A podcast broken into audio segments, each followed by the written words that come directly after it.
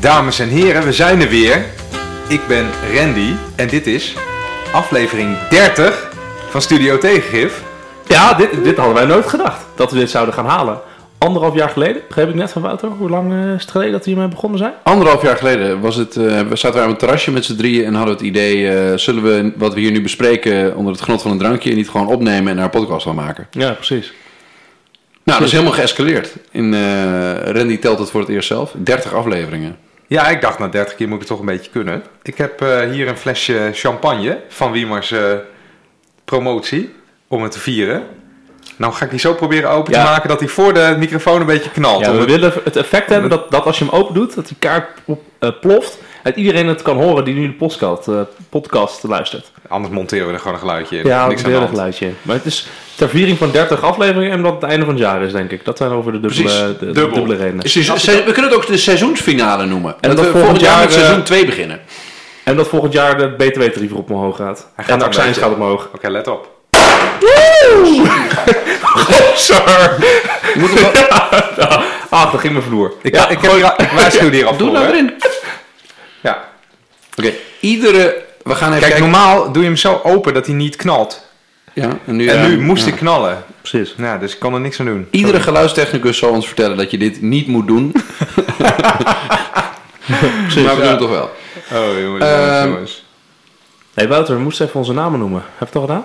Eh, nou, wie maar. Hebben we het nu Hey, Randy, ben je er ook? Ja. Ja, ik vond dat ik net heel geforceerd mijn naam moest zeggen, inderdaad. Ja, precies. Goed, jongens. dat eh, eh, vloeiend gaat met deze afleveringen. Oké, Oké, ik ga pakken. Randy, dan kan jij een introductie. een glaasje champagne.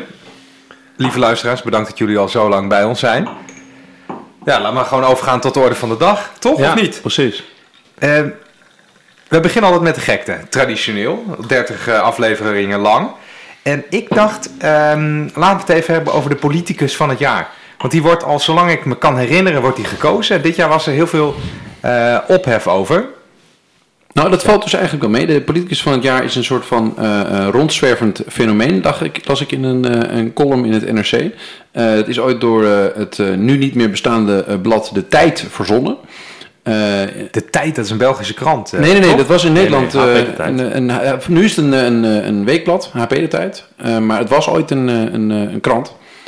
En die hadden dat, die verkiezing. Dus de verkiezing is er al heel lang. De verkiezing van politicus van het jaar. Ehm, maar wat ik heel maf vond, is dat we heel veel poeha gaan maken over hoe we dat kunnen verzinnen, wie de politicus van het jaar was en waar we dat op baseren. En het is allemaal hele gekke eh, criteria. Eh, en het is een soort van rage om bladibla van het jaar verkiezingen te houden. Sportman, sportvrouw van het jaar, journalist van het jaar, politicus van het jaar. Maar hoe, hoe werkte dit nou? Want ik, het enige wat ik heb meegemaakt is dat er, eh, zeg maar, dat er vijf genomineerden waren. Dat het allemaal mannen waren. Ja. Dat het grote gekte was op social media. Want hoe kan het dat er alleen maar mannen genomineerd waren? Hoe kan het dat Sigrid Kaag niet is genomineerd? Dat zei ook Oh iedereen. ja, ja, ja. Eh, en ik weet alleen dat ik elke keer Gijs Rademakers is gekomen. en maar voor de rest weet ik niet eigenlijk. Weet je vijf- eigenlijk wel wie gewonnen heeft, of niet? Klaus Dijkhoff. Maar Oh, dat nog wel, Dat ja. weet ik wel. Dat, eh, ja, dat, maar deze mensen waren genomineerd toch omdat het publiek ze goed vonden, toch? Deze vijf. Ja. Dus Ja. het is wel niet dat de journalisten dit de beste vonden, maar het was wel op basis van een peiling met van Gijs, rademakers, ja. onder mensen. Gewoon, hé, hey, wat vonden jullie de beste politicus? Ja, ik, wat, ik, wat ik dus denk is dat het, het businessmodel van al deze eh bladibla van het jaarverkiezingen is dat mensen er ophef over gaan maken. Eh, dus de bedoeling is dat er aandacht gegenereerd wordt over wie ze gaan kiezen, want het is allemaal een beetje ondoorzichtig wat precies de methodiek is die ze eh, gaan hanteren om eh, te bepalen wie het wordt. Ja. Eh, en dan gaan mensen daarover klagen en daardoor krijgt heel veel aandacht en kijken heel veel mensen naar. Maar Het betekent toch ook niks? Je krijgt een beeldje in je handen gedrukt. eh, de, de, ja, de- er wordt een borrel gehouden en dan eh, vergeet iedereen weer dat jij het was. Of Nou, niet? En nou, wat ik het eigenlijk het ergste vind, we hebben al een verkiezing van de beste politicus. Dat heet verkiezingen. Ik, voelde, ik voelde aankomen dat je wat eh spitsvondigs... eh, dit, dit, is niet nodig. Ik kan wel een geheimje verklappen aan hier vandaag. Een, eh, prachtige kiesraad die een hele mooie verkiezing organiseert. Nou ja, volgens, en zolang ik me kan herinneren hoe meer je als een grote debiel eh, manifesteert, hoe groter de kans is dat je het eh, wordt. Dat vinden mensen mooi in eh, online eh, verkiezingen. ja, want wie waren deze keer weer genomineerd? Thierry, Jerry, eh Geert? Klaas, Geert? Ja, ik Klaas, weet niet eens. Jesse, Jesse, En nog een rechts... eh, Mark. En Mark. Mark. Ja. Mark Rutte. Ja. Yes, die vijf. Ja, precies. Weet Eh, je, ja, ik merk ook dat het me helemaal niet boeit. Ook dit. Maar ik, vind het, Ah. ik verbaas me zo over dat we er zoveel gekte over kunnen maken. Dus eh, eigenlijk willen we zeggen tegen alle mensen... eh, dit was weer gekte van de week. eh, zullen we ons met een serieus ding bezig gaan houden? dit is ook weer een aspect van de Nederlandse politiek waarbij ik heel erg ben afgehaakt. Ik denk bij, ik denk bij steeds meer dingen van, god mensen, waar gaat het eigenlijk over? Maar Randy, dat denk ik ook als, als je aan het praten bent. eh, dan denk ik wel, waar gaat het allemaal over? En ik, heb, ja, ik, ik herken dit dat jij dit vaak denkt. Als ik Randy zo met je afwezig kijken, dan denk ik... Ja, oh ja Randy denkt nu, waar gaat het over? Oké. Nou, gekte van de week. eh, politicus van het jaar. eh, laten Wat wie had het moeten worden? Politicus van het jaar?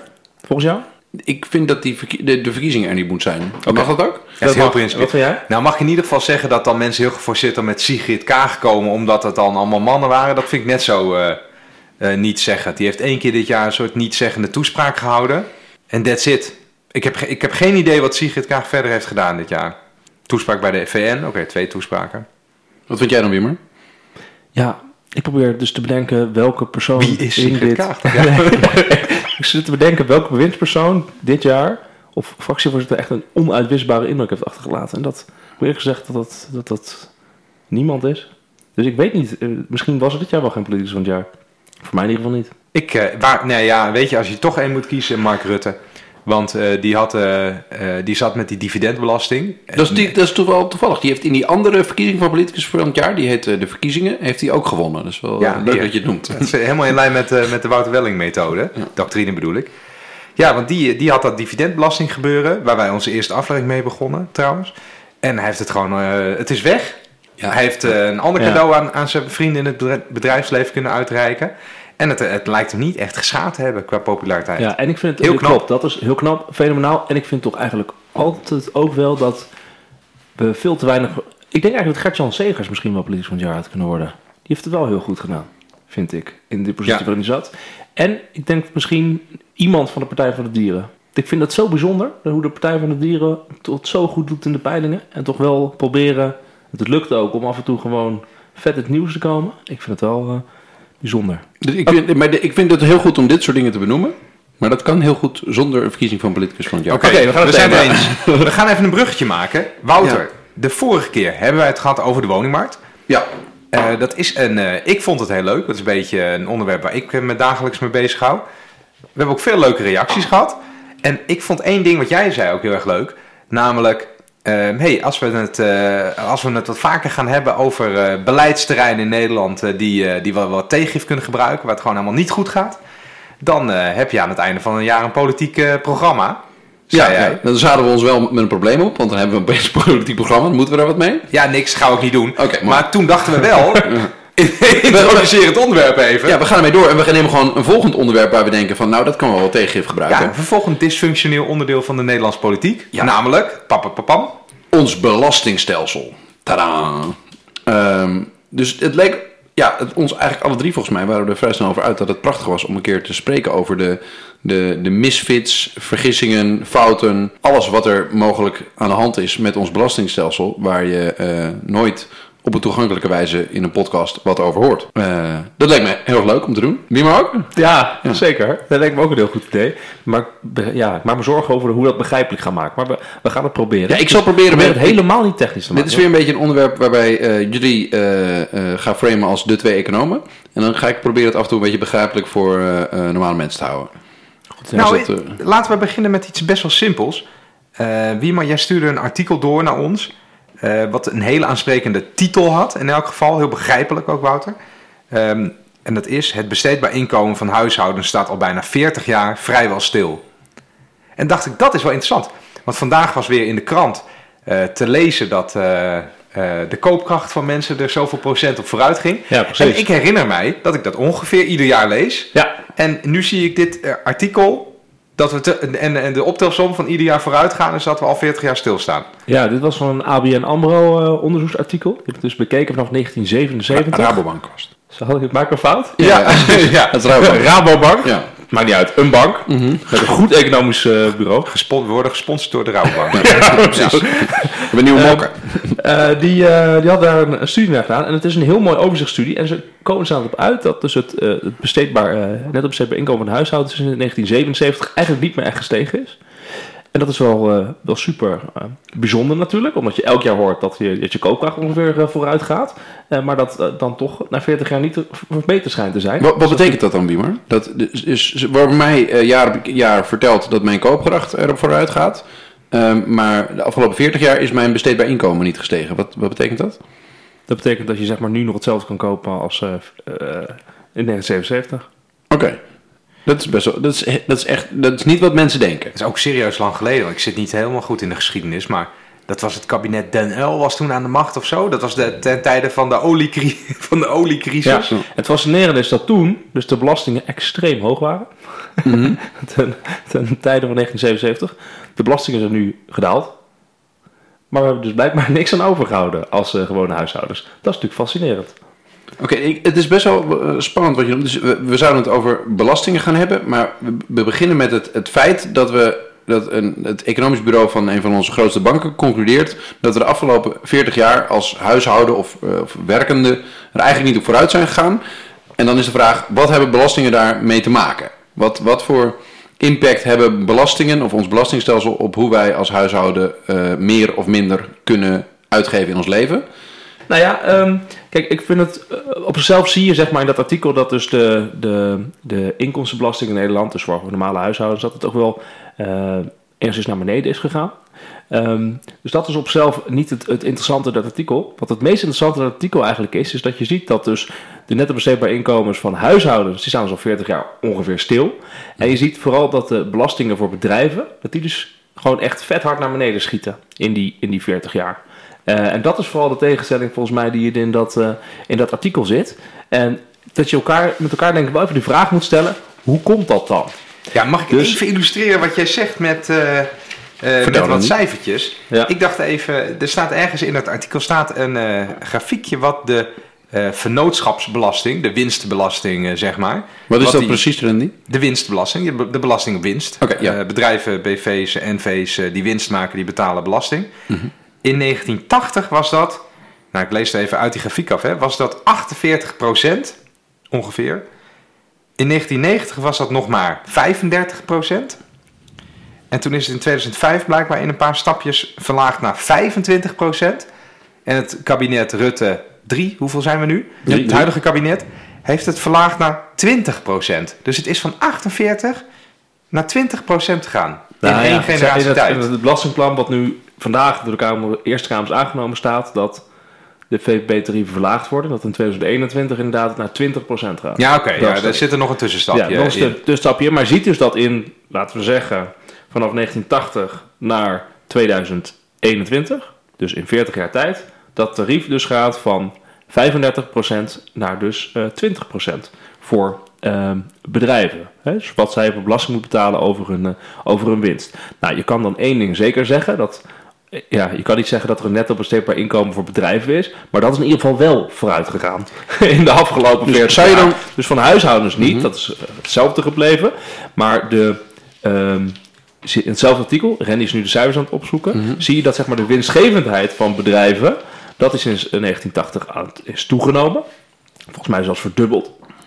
Van 10 naar 20 procent. Ja, het aandeel van eh, bedrijven in de winst, ik zit even te denken in welke, welke winst dan precies, is in ieder geval gestegen van 10 naar 20 procent. Mhm. Van de netto toegevoegde waarde in de economie. Ja. Dus dat Van is dat toegenomen, dus. de winst is toegenomen. En volgens zijn bedrijven daar minder belasting over gaan betalen dan vroeger. Maar dat is toch, dat is toch een intens politieke vraag? Dit is een intens politieke Ja, vraag. Waarom, Randy, kun je het uitleggen aan mij, zodat eh, ik het begrijp?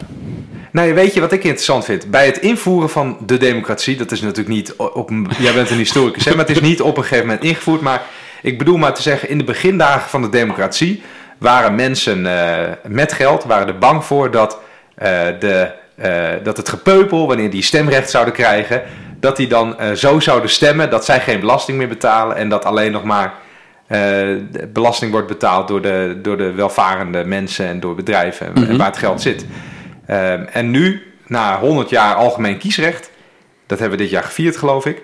ehm, moet je concluderen dat juist het tarief voor bedrijven ehm, steeds, maar, steeds maar naar beneden gaat. Ieder jaar een beetje, nou ja, niet ieder jaar, je, je snapt wat ik bedoel. En dat is een fascinerend iets. En ik dacht, waar ligt het nou aan? Maar, maar mag ik eerst nog even een vraag stellen? Kan ik dan concluderen dat, dus we, we- het is zo dat de afgelopen 40 jaar voor de werkende mensen hun besteedbaar inkomen er eigenlijk niet op vooruit is gegaan. En dan kunnen we zeggen, nou ja, dat is tenminste in ieder geval niet achteruit gegaan, prima. Ehm, maar kan je ook concluderen dat dat niet vooruit is gegaan, omdat waar de groei van onze economie terecht is gekomen, dat is bij die winsten van bedrijven die we een stuk minder zijn belast. Eh, gaan ga maar na, we zijn steeds rijker geworden. De economie is wel, eh, weet ik veel, ver- ver- viervoudigd in die, eh, in die jaren. Eh, maar het besteedbaar inkomen van huishoudens, waarvan ik zou zeggen, daar gaat het om. Hè? Dat is het uiteindelijke einddoel van waarom je economische groei wilt eh, met elkaar. Zodat gewone huishoudens meer eh, te besteden hebben. Ja, dat staat stil. Dus waar gaat die economische groei heen? Ik vind het een hele, hele interessante vraag. Wat gebeurt er met dat geld? Nou ja, de, als ik, ik neem even de, de, de stem van de, de, de imaginaire eh, eh, eh, persoon die het wel een goed idee vindt. Die zou zeggen, nou dat, zijn, dat is investeringskapitaal. Dat, dat, zijn, dat kunnen bedrijven in onze economie pompen Ja, en zorgen dat dat, is het we interessante. Je ziet in het artikel ook dat de, zeg maar, de investeringsgraad zeg maar, van bedrijven dat die afneemt. Het geld wordt steeds meer opgepot. Het wordt niet in Nederland geïnvesteerd. Ja. En dus het wordt niet geïnvesteerd. Het komt in BV's te zitten, staat vast in Nederland. Of het wordt dus, en dat is natuurlijk al bij de grote multinationals, wordt het uitgekeerd aan de aandeelhouders. En dat is het interessante wat je ziet. Dat is het zeg maar, van de grote Nederlandse multinationals, de 15 grootste. Dan zie je dat het overgrote gedeelte van hun aandelen is in handen van buitenlandse eh, buitenlandse eh, aandeelhouders. Dus zeg maar dat geld, dat verdwijnt dus voor het grootste gedeelte naar het buitenland toe. Ja, er staat ook een heel mooi zinnetje in. Hè? Er staat, eh, ja, winst dat naar aandeelhouders gaat. ja, dat, dat zijn in principe ook huishoudens, staat er dan. Het probleem is echter dat Nederlandse huishoudens in veel gevallen niet de eigenaar zijn van Nederlandse bedrijven. Dus wat wie maar net eh, precies. zegt. Dus ergo, waar gaat het geld heen? Buitenlandse aandeelhouders. Dus mijn, mijn in ieder geval iedereen's besteedbaar inkomen neemt niet toe, omdat we het belangrijk vinden dat deze bedrijven weinig belasting betalen over hun gemaakte winst. Die gaat naar buitenlandse aandeelhouders. Ja, misschien een, een duidelijk zinnetje is dat, of, of eh, getalletje. Van een aantal jaar terug heeft de OESO een soort overzichtsstudie eh, gedaan. Wat is de OESO? Ehm, het is het de Organisatie voor eh, Economische, Economische Samenwerking en Ontwikkeling. ja. Ja, De OESO. zijn alle welvarende landen van de Ergens, die wereld. zit in Parijs volgens mij. Ehm, die eh, hebben een overzichtsstudie gemaakt. En dan zie je dus dat, dat dus vooral belasting eh, eh, wordt geheven eh, op de factor arbeid. En dat komt vooral omdat we in Nederland dus belastingen heffen op arbeid en eh, premies heffen. En dat is het al echt het overgrote gedeelte van de totale belastinginkomsten van, van Nederland. Wat zijn premies? Eh, premies, dat zijn bijvoorbeeld eh, premies die betaald voor de, voor de ziektewet Oh, ja, ja, ja. wet of voor de ehm, ja, zorgverzekering of voor de vroeger de AWZ, nu de langdurige eh, zorg en voor de, natuurlijk de werkloosheidswet. Gewoon alles wat er bovenop de, ja, voor de alles werkgever wat tussen eh, aan, werknemers eh, en werkgevers gelegd wordt, zeg maar. Ehm, en je ziet dat die druk in Nederland heel hoog is. En je ziet dat bijvoorbeeld maar 7,2% van alle belastingopbrengsten toen in dat jaar, dat dat dus kwam van bedrijven.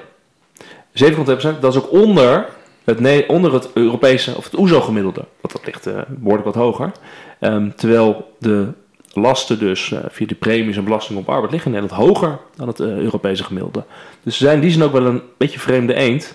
Want eh, ja, wij zitten toch wel echt in het voordeel voor bedrijven in Nederland. Maar dat- het nadeel van huishoudens. Eh, nog steeds kan je het beredeneren vanuit de andere kant van het eh, politieke spectrum waarschijnlijk. Dat het heel, we zijn een handelsnatie, wij hebben een VOC-mentaliteit. Wij moeten ons best doen om het prettig maken voor bedrijven om in Nederland te zijn. En om kapitaal te trekken om in Nederland te investeren en in Nederland te zijn. Dus als wij ehm, relatief minder aantrekkelijk zouden zijn om voor jouw bedrijf in Nederland te blijven, dan hebben we een probleem. Want dan hebben we helemaal die, arbeid, die arbeidsplaatsen niet meer.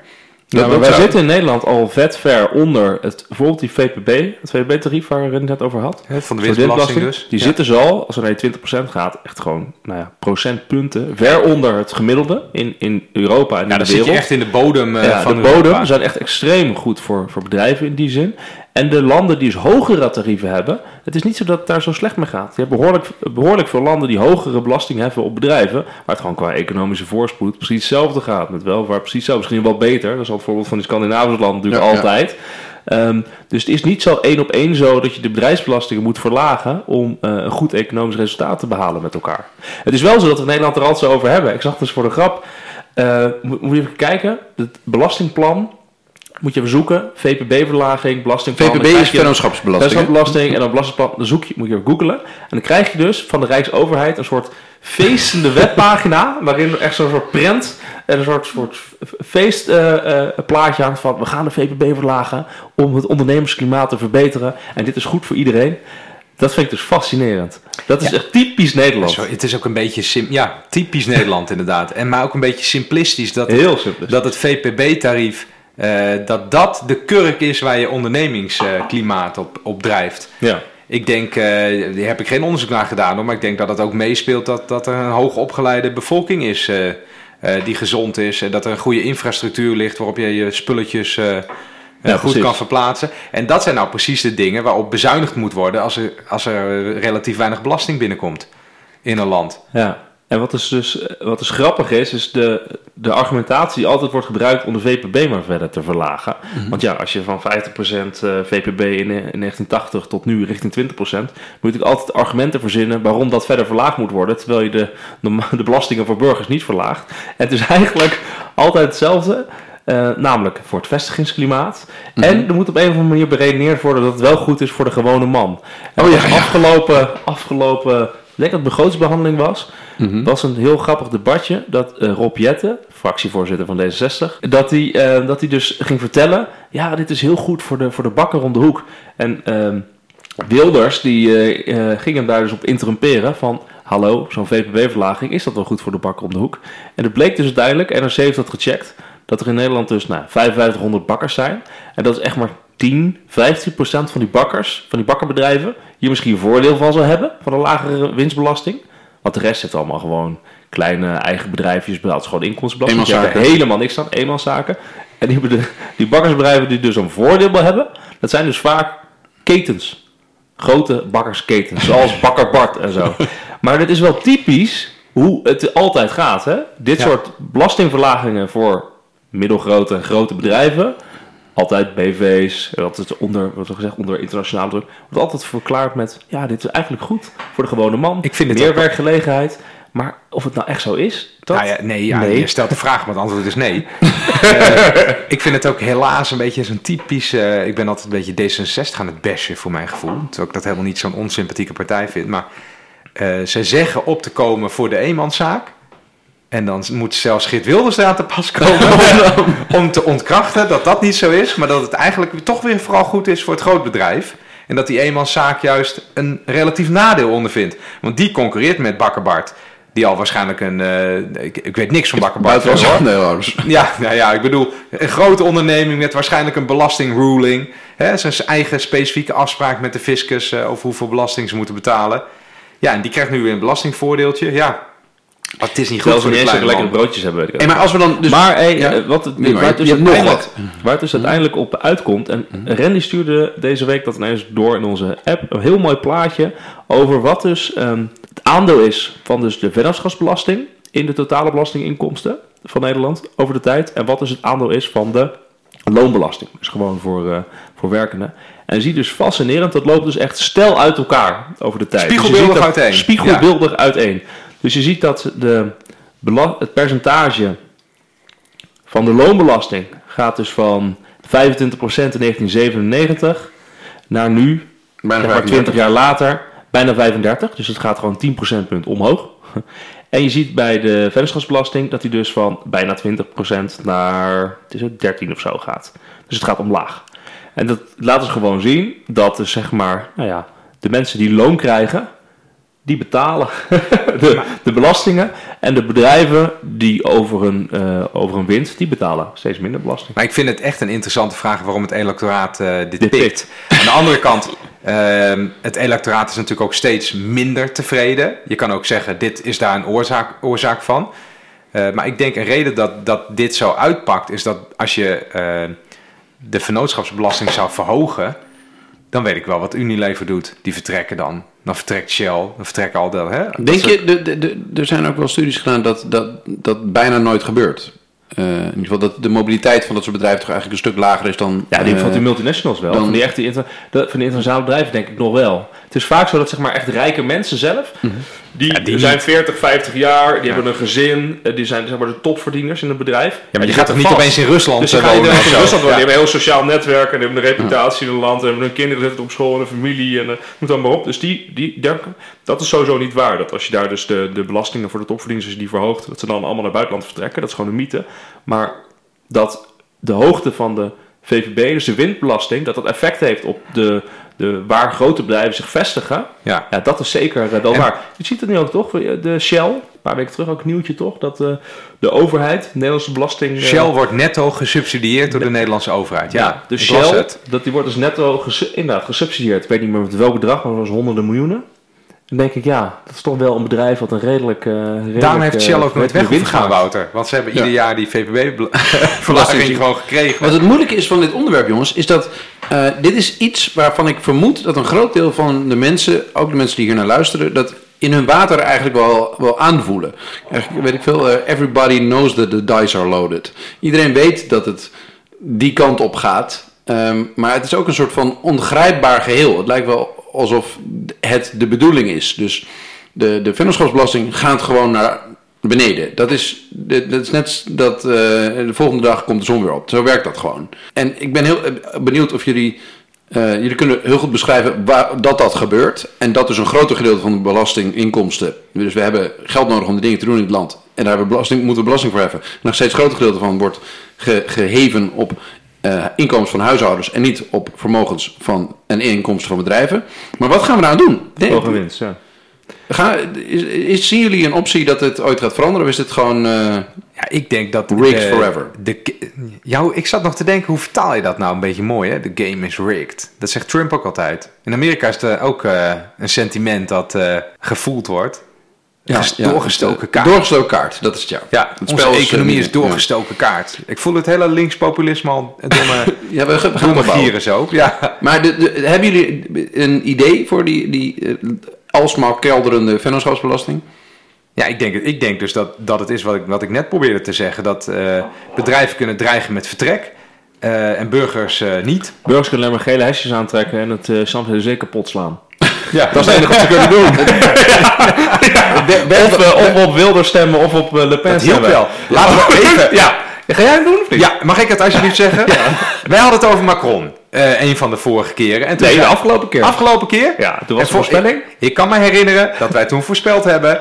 Wij, hielden, wij, wij citeerden toen mensen die zeiden: Ik ben bereid te sterven voor dit eh, gevecht. Ja. Eh, en toen zeiden wij: Macron gaat verliezen. Dit komt niet goed. En inderdaad, een totale knieval. Macron, een soort eh, VVD-president van Frankrijk, die is nu een totaal SP-programma aan het uitvoeren. Ja, het- Minimumloon 100 eh, Maar ik euro wil even nog specifieker zijn, want wij hadden het zo gezegd. Hadden namelijk gezegd, de podcast toen het opgenomen zeiden... Macron gaat deze week een knieval doen. Hij gaat de brandstofaccijnzen bevriezen of niet verhogen, gaat uitstellen. En dan zeggen de gele hesjes, dat is niet genoeg. Dat gebeurde toen die week. En daarna, want de gele hesjes nog steeds boos werden... heeft dus het minimumloon verhoogd. De belastingverhogingen voor gepensioneerden gaan niet door. Ja. Er moet een eindejaarsuitkering komen, En- noem het allemaal op. En eentje die relevant is voor deze aflevering. Hij heeft een belasting ingevoerd op Amerikaanse internetgiganten, zoals Precies. Google en Apple en Facebook en ik, ik noem maar wat, maar volgens mij waren het een paar van deze in elk geval. Dus eh, ja, inderdaad, geel hesje aan, boel kort en klein slaan. Dus het helpt. Dus eigenlijk zeggen wij ook wat betreft belastingen, eh, wat betreft die vennootschapsbelasting, beste machthebbers, pas ook maar een beetje op, verlaag het niet te erg, eh, want ze komen eraan. Ja, en dan krijg je populistische partijen. Nou, ja. Ja, dat weet wat je, gaat gebeuren. ik leef echt in de veronderstelling dat in Nederland gaat dit Nooit niet gebeuren. Nooit. Ik weet niet waarom. Je hebt, eh, ja, ja, ik- nou had ik het moeten opzoeken, maar er is zo'n beroemd citaat van een Duitse schrijver uit, uit 1800 nog wat. En die zegt, als de wereld vergaat, dan ga ik naar Nederland. Want daar gebeurt alles 50 jaar later. en daar moest ik altijd heel erg om lachen. Maar ik denk niet eens dat het waar is. In Nederland gebeurt het gewoon helemaal niet. Ja, ik denk waarschijnlijk zijn wij nog een debat aan het voeren over of er ooit eh, een opstand zou kunnen komen in een polderoverleg. Maar daarom is die, vind ik Rutte dus wel inderdaad politicus van het jaar. Het is natuurlijk wel briljant dat die man dan in die week zegt... Ik heb ook een geel. We hebben allemaal Ja, geel. we hebben allemaal geel. Ja, Ja, ik vind het fenomenaal. Ja. Maar jongens, ik wil, ik wil zo even, ehm, want we hebben nu, we, we beginnen hebben over belastingen in den brede. We hebben één belasting gehad. Ja, oh, mag, deze wil ik. Ja, eh, Oké, Want Wouter, oh ja. die gaat nu een tirade afsteken van jouw welste. En waar gaat dit over? Wa- Dit Wouter heel hoog, heeft het al jaren over. Dit gaat over de Erfbelasting. De erfbelasting. Wouter, steek van wal. Ja, nou, ik, ik weet niet ontzettend veel van fiscale zaken. ehm, maar ooit een keer dacht ik eh, in een gekke bui, ik ga er eens induiken. ehm, van wat zou nou een, een belastingmaatregel zijn die, waar economen het eigenlijk al jarenlang over eens zijn. Nou, dan ga je een beetje lezen in allemaal hele saaie economische tijdschriften. En, eh, Is dit echt gebeurd? ja, dit is oprecht gebeurd. Ik ben, eh, ben eh, artikelen van, eh hoe heet die, en, en Piketty gaan lezen. Wat ik normaal nooit zou doen. Ik ben allemaal cijfers op de, de, de pagina en website van de Belastingdienst gaan uitzoeken. Ehm, omdat ik gewoon geïnteresseerd was, gewoon hoe, hoe werkt dit nou? En zijn er nou dingen waarvan de economen het al jaren over eens zijn dat het een goed idee is, ehm, maar die we niet doen? Ehm, en er is dus zo'n maatregel, dat is de erfbelasting. Ja, ik wou net zeggen, laat me raden. De Ja, erfbelasting. dat is echt prachtig. In het, Nederlands, in het Nederlandse politieke stelsel wordt die ook wel eens geframed als de eh, sterftax. Hebben jullie vast wel eens gehoord? Dat is, eh, als je dat mensen hoort zeggen, dan weet je dat ze één ding bedoelen, namelijk dat hij naar beneden moet. Mensen met geld vinden dit heel erg, deze belasting. Ja, het, het klinkt ook altijd als je eh, met iemand in de kroeg staat en je zegt, nou joh, ik ben voor het verhogen van de erfbelasting. En je zegt, oh, wat? Oh, dat is toch niet eerlijk? Als ik overlijd, dan mag ik toch zelf wel bepalen aan wie ik mijn geld aanlaat. Ehm, maar wat het interessante is, is dat je, dat is prima als je dat vindt. Maar wat mij betreft kan je niet en zeggen, ik ben, ik ben voor een samenleving waarin mensen gelijke kansen hebben. En ik ben eh, voor een, eh, een, een liberaal Nederland. En ik ben ervoor dat eh, niet je, je werk, maar eigenlijk je wieg het grootste lo- lonende element moet zijn. Dus je kan niet enerzijds een soort van, ja, een soort van eh, voorspellingsfetischisme aanhangen. Van je, waar, waar je bed staat eh, moet eh, zorgen hoeveel je verdient. Ik voel dat jij de liberalen gaat bashen nu. Ja. Nee, ik, vind, eh, ik denk eigenlijk dus dat liberalen Even, want moeten vanuit- hiervoor zijn. Ja, voor vanuit het liberale idee, Ja. het liberale idee van een individu, die moet natuurlijk beloond worden voor zijn prestaties, voor wat hij zelf doet. Precies. Dus, ehm, en niet voor wat hij, dat, hij, dat hij toevallig rijke ouders heeft. Hè? Daar moet hij geen voordeel van hebben. Dus alleen voor wat hij zelf doet. Dat is, dat is zeg maar het idee. Dus een beetje wat Exact. vorige week, twee weken terug, had het over de woningmarkt. Ging het over die, die belastingvrije som die je kon schenken aan Ja, je ouder, of, eh, aan je kinderen. Een ton. 100.000 als je kind, euro, 100.000 euro als je kind een, een huis eh, eh, kocht. Dat, nou, dat leidt tot enorme ongelijkheid op de woningmarkt. Toen zei hij ook dit, dat, dat is dus ook geen liberaal idee. En hier gaat het eigenlijk hetzelfde. Dit, dit is, ehm, nou, ik denk dus eigenlijk dat het een ontzettend liberaal idee is, maar dat het maffe is dat liberalen er altijd tegen zijn. Eh, Ja. Dus ik zeg eigenlijk dat de, het grootste gedeelte van de liberalen zich een beetje vergist. Misschien is het goed om even uit te leggen hoe de situatie in Nederland is. Ehm, als Nederland in Nederland iemand overlijdt, dan is er een erfenis en die gaat naar de erfgenamen. En eh, daar moet je belasting over betalen als je die ontvangt. Het hoogte van die belasting hangt af van twee dingen. Namelijk eh, wat voor relatie je met iemand hebt. Of je de kinderen of de, de partner bent of wat dan ook. En hoeveel, hoe hoog het was. En nou, globaal gezien wordt er ongeveer 8% belasting geheven over eh, deze erfenis. Dus over ja, helemaal niet zoveel ster- Dat is eigenlijk. echt ontzettend weinig. Dus stel je, je hebt een, een ton eh, die, je die ouder overlijdt en die, die laat jou precies een ton na. Dan, wordt er, dan is er een vrijstelling van een, eh, van een groot gedeelte. Ehm, eh, Het wordt heel fiscaal nu. Hoeveel moet je betalen? eh, je moet ongeveer eh 8000 euro betalen. Ja, Eh, aan de fiscus en eh, de rest erf je. Dat is, dat is prachtig.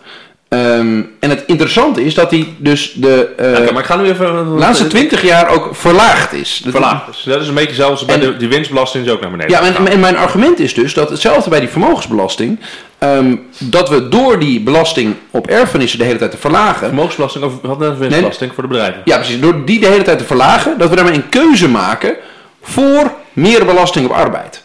Ja, Dus ja. doordat je de belasting... 100%. 100% Dat is- eens. Niet Niet slaan. Ehm, Oké. Maar dus, eh, want- je moet ergens belasting heffen in ons stelsel. En eh, dat doen wij dus steeds minder op winst.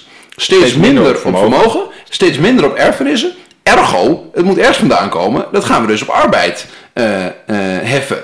En het, het, het gekke is dus dat we roepen dat we eh, werkgelegenheid moeten aanjagen. Dat we er zijn voor de, voor de hardwerkende Nederlander. Maar we zijn er wat betreft erfbelasting helemaal niet voor de hardwerkende Nederlander. We zijn er voor de Nederlander die eh, ouders had die hem een hoop kunnen nalaten. ehm, dus ik vond het heel gek om daarachter te komen dat we dus al jarenlang stevast die eh, verlagen. En ook nog een andere maf is, dat vinden jullie vast leuk, is dat ehm, in de economische wetenschappen eigenlijk alle economen, links, rechts, eh, eh, weet ik veel, eh, behavioral economist en, en meer de, de andere tak van het economische spectrum ermee eens zijn dat dit een verstandige belasting is om te verhogen. Tot, nou, gemiddeld gezien zijn het erover eens dat het ongeveer 60% moet zijn, omdat het de economie aanjaagt. Want wat Ja, gebeurt gaat er? het uitgeven. Ja, Ja, precies. Wat gebeurt er als je de belasting op erfenis omhoog doet? Dan gaan mensen tijdens hun leven hun poen uitgeven. Nederland is een van de meest Of weggeven. poenoppottende landen ter wereld. Ehm, en een van de redenen daarvoor is dat wij dus allemaal het bij- bijna zonder belasting kunnen schenken aan onze... eh, eh, Sterker nog, hoe ouder je wordt, hoe minder belasting je betaalt hè, in Nederland. Ja. Als je met AOW-leeftijd gaat, dan eh, kom je in een lage belastingtarief te zitten.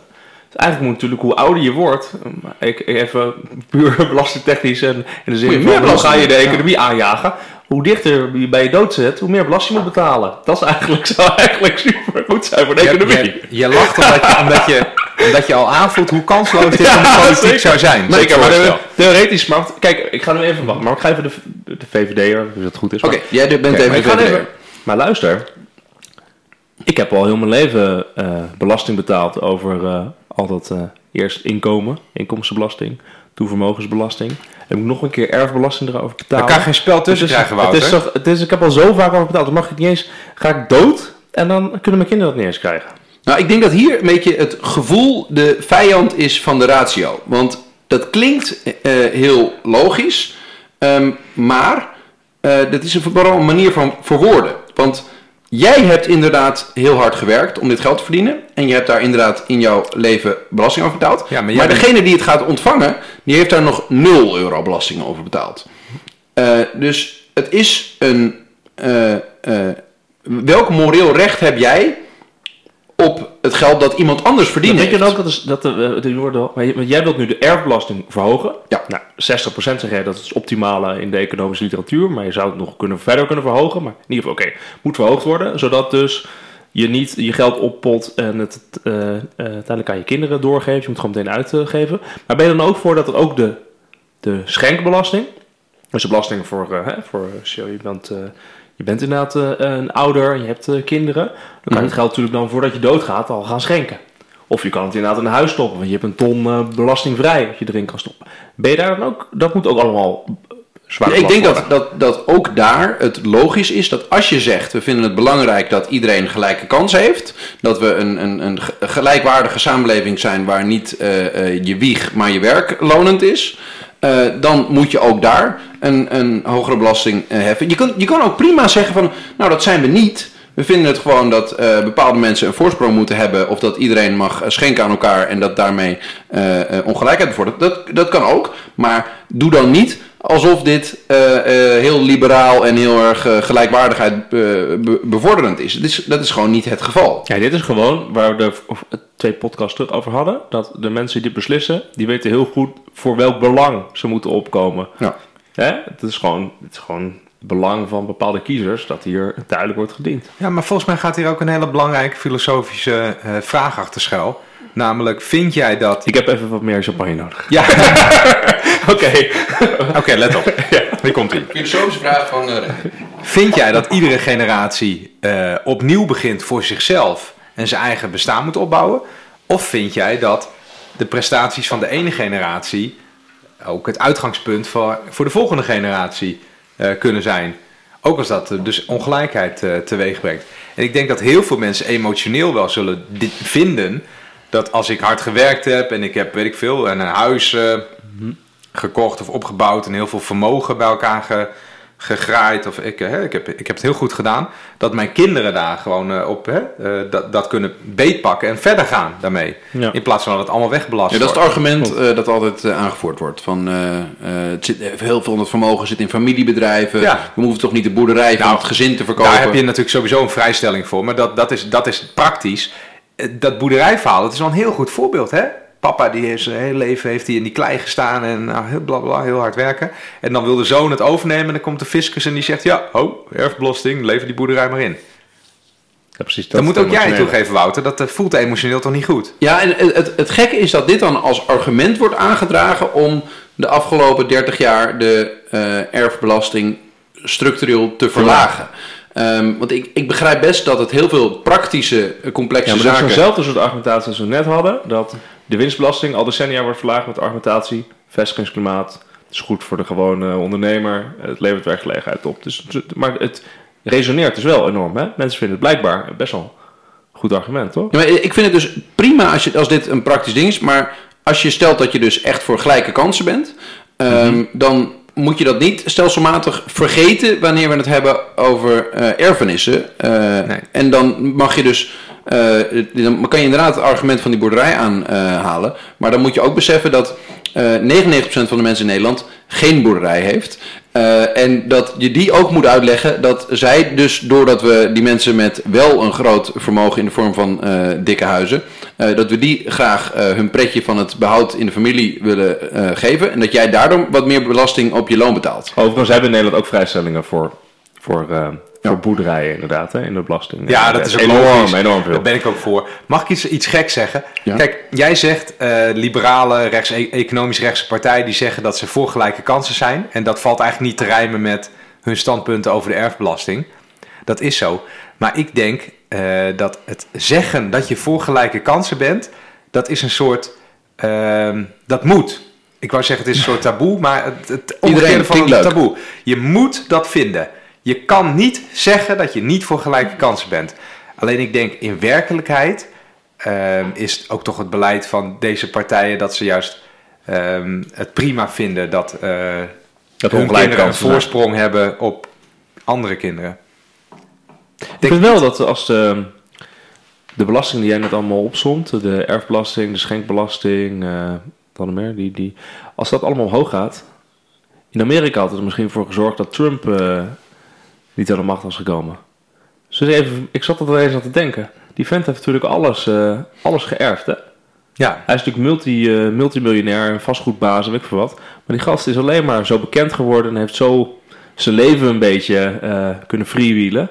Omdat hij alles voor zijn papa had. Nou, Amer- Amerika is, is, is het allermooiste voorbeeld van een soort van eh, eh, land waar we in woord een meritocratie zijn. Dus eh, je, je kwaliteiten, je prestaties en dat soort dingen, de American Dream moet lonend zijn. Maar in de praktijk is het echt complete kwatsch, want de sociale mobiliteit daar is het laagste van alle welvarende landen van de wereld. Dit is echt een heel goed bruggetje volgens mij. Je hebt helemaal gelijk. Ja. Je had het over symboliek. En over dat je van alles zegt, maar dat eigenlijk in de praktijk niks van waar is. We gaan nog een belasting eh, We gaan nog bij een de belasting lurf pakken. bespreken. De Welke laatste. belasting? Is een bruggetje. Ik denk, waar gaat dit De heen? vliegtax. Ja, want hoe kom je in Amerika? Nee, nee. Oh, Oeh, wie mag het met glazen gooien? Sorry, dat was, het enthousiasme. eh, dat was een, gla, Spatte er glas, even een letterlijk glas champagne. Nou, gaan we Rennie heeft wel een... Maar eh, nieuws Rennie champagne. zit dus allemaal... Ik zit in een hele grote Glas glas champagne champagne. inmiddels. Van toen ik die fles aan het begin open probeerde te maken met een knal. Wat lukte. Maar ja goed, ik zit helemaal eronder. Het, het is vervelend. Ik zat zo opruimen, het is mijn huis. Maar, ehm, nee, mijn punt was dat we in Nederland nu de vliegtax hebben ingevoerd. Stond in dit belastingplan. Staat Ja, hoeveel was het ook alweer? Z- 7 euro per eh, ticket. Ja, super, zo. super laag. Dus het is een enorm symbolische maatregel van wij moeten groene belastingen in gaan voeren. We moeten vliegen gaan belasten. Vliegen is zo slecht voor het milieu. Maar wat gebeurt er nou praktisch als je 7 euro op een vliegticket gooit? Helemaal niks. Dat zeggen ook alle economische bureaus. Iedereen zegt dat. Het doet helemaal niks. Klinkt leuk, En er wordt niks. Er, ja, en er wordt er gezegd, dit is de eerste stap. Ja, maar weet je, kijk, daar word ik altijd een beetje moe van.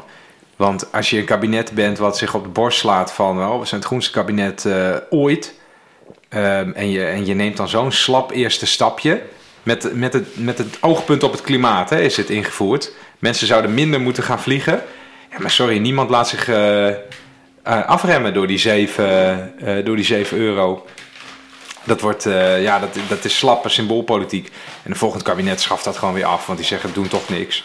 Ja, dat is dus de vraag. Want, dat is de vraag. Want zij zeggen, het is de eerste stap. Dus kan je dit ook zomaar afschaffen? Of moet een volgende, volgende kabinetsformatie dan besloten worden om die belasting toch een beetje te gaan verhogen? Wat ik, wat ik complex vind is dat je ziet met heel veel van die belastingen dat het in een soort van trends gaat. Je ziet met belasting op, op winst, die wordt langzaam minder. De belasting op, eh, op erfenissen wordt langzaam minder. De belasting op vermogen wordt langzaam minder. De belasting op inkomsten van huishouden wordt langzaam een groter onderdeel van de belastinginkomsten. wat interessant is, is rondom zo'n zo'n belasting die we, hebben op dingen die we niet willen dat u doet. Eh, ik zag dat in het belastingplan ook eh, de belasting op nicotine weer eens flink omhoog is gegaan. Een pakje sigaret kost nu ongeveer 10 euro. Ja. Ehm, dat, dat gaat ook gebeuren met luchtvaart. En de vraag is, is dit een soort trend die ingezet is? Van nu gaan we eh, echt zorgen dat dingen die met fossiele brandstoffen te maken hebben, dat we die meer gaan belasten? Of is dit gewoon een, een snoepje dat de, de duurzaamheidslobby wordt toegegooid, maar uiteindelijk willen we gewoon dat het voor mensen lekker makkelijk blijft? Ja, absoluut het laatste. Dit is iets wat, eh, wat aan D66 is gegeven. Hè, die, die het meeste waarde hechten aan het, eh, aan het klimaat. eh, samen met de ChristenUnie. Nou, heel goed zou ik zeggen hoor. Maar ja, ze doen dit nu om te kunnen zeggen dat ze het doen. En ik zou niet uitsluiten dat het de volgende keer wordt afgeschaft weer. Want er is eerder een vliegbelasting geweest hè, in Nederland. Toen ging iedereen met de auto naar, eh, naar Duitse vliegvelden over de grens. En toen werd gezegd, nou laten we het toch maar weer afschaffen.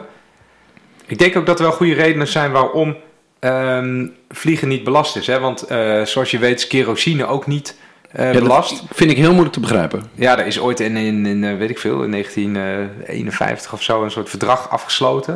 Het verdrag van Chicago waar dat in staat. Ehm, en dat is nooit, nee, dat kan je natuurlijk opzeggen zou je zeggen.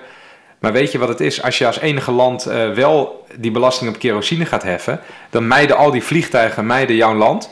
Eh, Nederland is nu, eh, of Schiphol is een belangrijke internationale hub. Ehm, het idee is dat daar heel veel economisch voordeel uit wordt gehaald. Dat je vanuit Amsterdam kan vliegen op, weet ik veel, 200 bestemmingen in de hele wereld. Allemaal rechtstreeks vluchten. Schitterend natuurlijk voor het zakenleven. Ja, als, als wij als enige hier een belasting op kerosine gaan heffen... eh, ja, dan, eh, dan zullen al die vliegtuigen, die vliegen dan even naar Zaventem of naar weet ik veel. Ja, het moeilijke is dat ik dat hier, daar kan ik dan ook wel bij inkomen.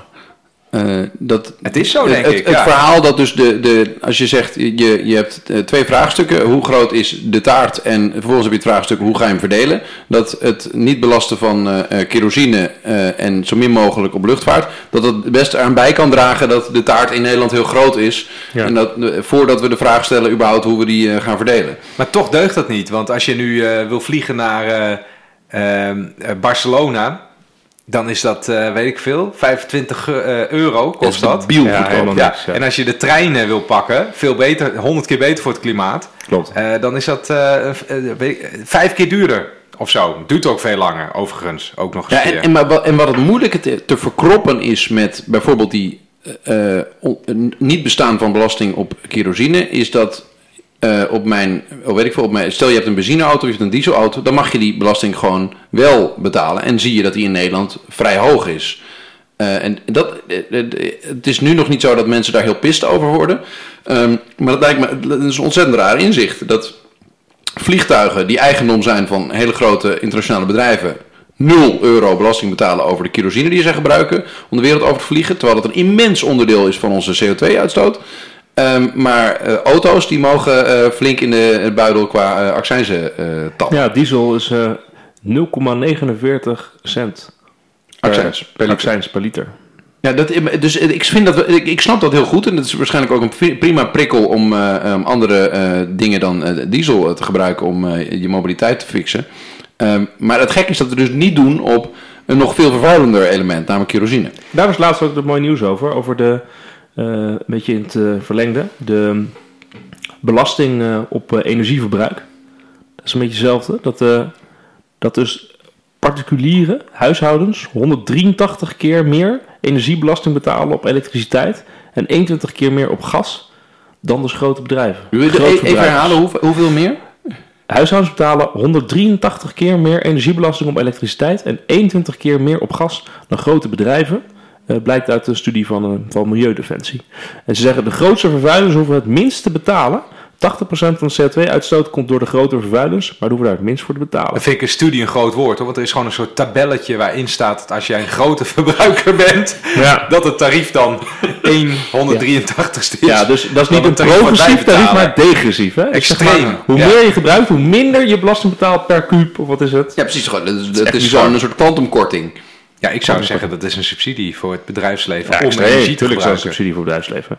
Maar Maar de- het is ik- lastig om daar, om daar iets aan te doen. Want hetzelfde met, met jij zegt, kerosine is zulke grote initiële Maar belangen waarom, achter. ons, we voor horen net dat onze energierekeningen volgend jaar weer flink omhoog gaan door die duurzaamheidsdoelstellingen. Ehm, en, en dan hoor ik dat eh, een, het grootbedrijf 123 keer... 83. 183 keer minder voor een kilowattuur betaalt dan ik. Ja, precies. Ja, Ja. precies. Het- het- het- En eigenlijk is dat heel gek, want jij, jij als consument, hoe leg ik dit uit aan mensen? ja niet. Eh, Dat is gewoon een hele goede lobby geweest, eh, denk ik. Want jij als consument, jij kan alleen maar... 183 keer zo'n sterke lobby als... eh, Maar dan maakt dus geen beat uit op wie ik stem. hey. Hey, hoe is het in de tijd, jongens? Ja, ja, ik we- zit even in hoe... We zitten al op, op 50 minuten en we hadden Ja, we besloten dat we netjes onder het uur... Maar het- het- Nee, mag eh, ik gewoon even, even een quizje doen als afsluiter? Vind ja, grappig. tuurlijk. We hebben dus een beetje het belastingplan doorgenomen. Er zitten van die verschrikkelijke tabelletjes in. Met allerlei feitjes over de belastingen. En ik vond deze gewoon heel grappig. Je kan dus, jullie drinken allemaal alcohol toch? Je kan dus zien wat het accijnstarief in euro's is per 100 liter van een drank. Dus ik wil van jullie graag weten, gok maar even. Hoeveel accijns moet je betalen op het moment dat je volgend jaar besluit 100 liter wijn te kopen Is het anders per wijn of meer- bier of zo? Ja, ja. Dus je Oh. hebt, je hebt eh, bier 0 tot 7% alcohol en 7 tot 11% alcohol. Bij wijn ook heb je onder de 8,5% alcohol, maar ook wijn met meer dan 8,5% alcohol. Dus stel je voor, Randy gaat volgend jaar 100 liter wijn kopen, waar meer dan 8,5% alcohol in zit. Hoeveel accijns moet hij dan betalen? Ik zeg 260 euro. Moet het in een Nee, nee, percentage? wacht, wacht, stop, Percent- stop. eh, eh, Ik procent zeg- moet het zijn, hè? Het is, Nee, nee, wij- is geen literfles, Oh, hè? eh, Ik denk dat het, dat het, dat het 3,50 euro per liter is. 350 euro. Het is 88 euro.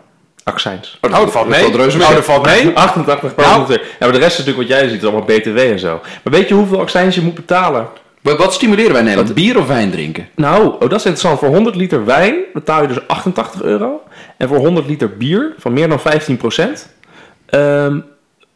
alcohol betaal je 47 euro. Dus het is echt veel, veel beter als je zeg maar kijkt van hoeveel alcohol krijg ik binnen op- geld. op een kan je beter noot. het bier kopen. Positieve noot. Hier wordt dus de man van de straat in het gele hesje niet genaaid. Ja. Dat is mooi om te horen.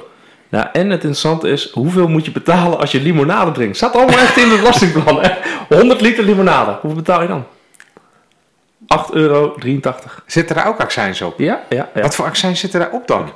Gewoon, hier staat Goeie alcoholaccijns en frisdrankbelasting. Dat is een Maar we willen dat mensen minder uh, Er is een frisdrankbelasting. Ja, er is een er zijn zoveel dingen die ik nog niet weet in En, dit het- land. en ik, als je deze dingen ziet, dan wil je meteen diesel gaan rijden. Want benzine, dat is gewoon zoveel duurder. Hoe, dat slaat ook nergens op, Nee, het hè? slaat nergens Nee. op. Dus je betaalt zeg maar per euro, per liter betaal je 0,49 Ja, het is gewoon efficiënter, euro. zuiniger. En per benzine is het eh 0,78. Dus is gewoon eh, ja, behoorlijk veel meer. Nou, dit waren even eh, gewoon uh, quizjes. Mooi om Er te zitten weten. zoveel mooie dingen in. Maar als je dus 100 liter eh, wijn koopt, dan moet je dus 88 euro accijns betalen. Dat iedereen eh, kent. begin Dus koop bier, eh, te sparen. zwaar bier, dat is 47 euro. En als je echt gewoon gezond wil doen, koop limonade, dat is ook veel goedkoper. Voor maar 8 euro te betalen. Kanonbier, daarom drink je, drink je, daarom drink je kanonbier als je flink dronken wil worden. Dat is goedkoopst. Ik, ik denk dat we een, een, een dappere poging eh, gewaagd hebben om eh, eh, de, de, wat er mis is in het belastingland in Nederland een beetje te ontrafelen. Aan de hand van de belasting op vermogen, winst, erfbelasting, energiebelasting, luchtvaartbelasting. Ik vond het heel lastig, Wouter. Ja, het is, het is Ik lastig. vond het heel ingewikkeld. Ik vond het ook wel lastig. Ja, het is moeilijk. Ja, het- het- misschien is een van de conclusies dat het een, een, echt een godswonder is dat ze hier nog niet in gele hesjes. eh, Ik vond maandag Ik denk, dat ik, nu, ik denk dat ik nu weet waarom, eh, waarom je ermee wegkomt. Omdat het is zo saai Ja, het is zo saai. Het is zo onbegrijpelijk. dat niemand je in de gaten houdt. Ik moet hier dus les in gaan geven. Belastingen. V- Volgend jaar. Oh? Ja. Uitgelegd aan eerstejaarsstudenten. Ik wou een heel flauw grap maken. Zou ik zeggen, nou, zou ik nog maar even oefenen. jij, jij kon het veruit het beste uitleggen vandaag. Wilt u, wilt u hier meer van horen, eh, dan kunt u aan de Universiteit Leiden gaan studeren bij eh, de heer Bolhuis. Professor Dr. Bolhuis. Professor Dr. Nou, eh, bedankt voor het luisteren.